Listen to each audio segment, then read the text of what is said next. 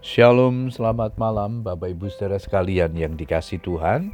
Kita bersyukur kepada Tuhan malam hari ini bersama-sama kembali dapat membangun mesbah doa bersama dengan keluarga. Setelah sepanjang hari ini kita menikmati segala kebaikan Tuhan dalam kehidupan kita.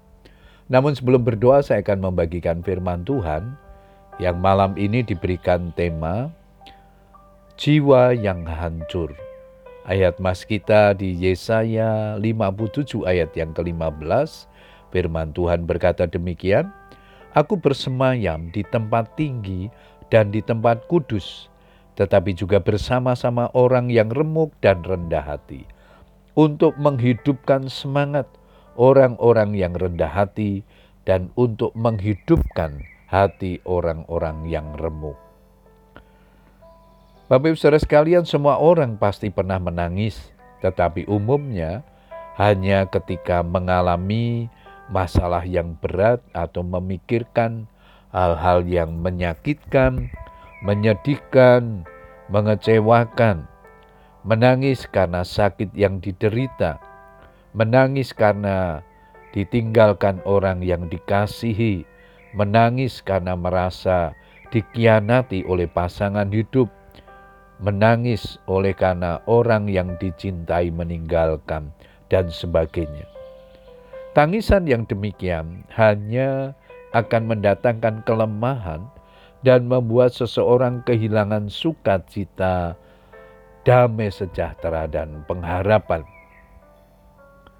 Tangisan seseorang yang bermakna berbeda ketika ia menangis di bawah kaki Tuhan Yesus karena tangisan jenis ini lahir ketika seseorang menyadari akan ketidakberdayaan dan keterbatasannya, yaitu tangisan yang lahir dari jiwa yang hancur, hati yang remuk, menyesali segala kesalahan dan dosa yang telah diperbuatnya. Inilah yang pernah dirasakan oleh Daud setelah ia ditegur oleh Nabi Nathan dengan jiwa yang hancur, Daud datang kepada Tuhan dan memohon ampun atas segala dosanya. Kasihanilah aku, ya Allah, menurut kasih setiamu. Hapuskanlah pelanggaranku menurut rahmatmu yang besar. Bersihkanlah aku seluruhnya dari kesalahanku dan tahirkanlah aku dari dosaku. Mazmur 51, 3 dan 4 penyesalan, dan jiwa yang hancur kini mungkin sudah jarang dirasakan oleh banyak orang percaya. Meski telah banyak melakukan kesalahan dan dosa, kita tidak berasa apa-apa. Tidak lagi peka, bahkan menganggapnya sebagai hal yang biasa. Ini terjadi karena kita merasa diri paling benar, paling baik, dan paling sempurna dibandingkan dengan orang lain, sehingga sulit sekali untuk merendahkan diri di hadapan Tuhan. Alkitab menyatakan bahwa jiwa yang hancur dan kerendahan hati adalah berharga di mata Tuhan.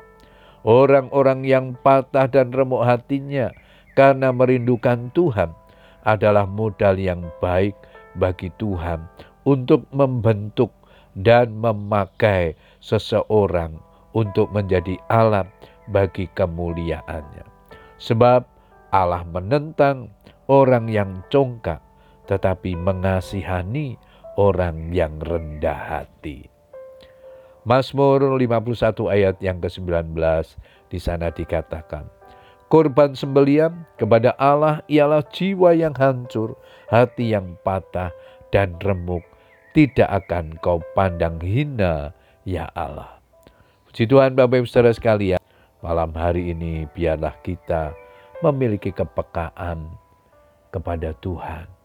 Datanglah dengan hati dan jiwa yang hancur setiap kali kita datang dan berdoa kepada Tuhan.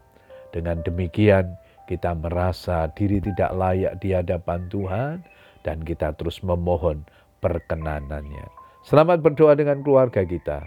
Tuhan Yesus memberkati. Amin.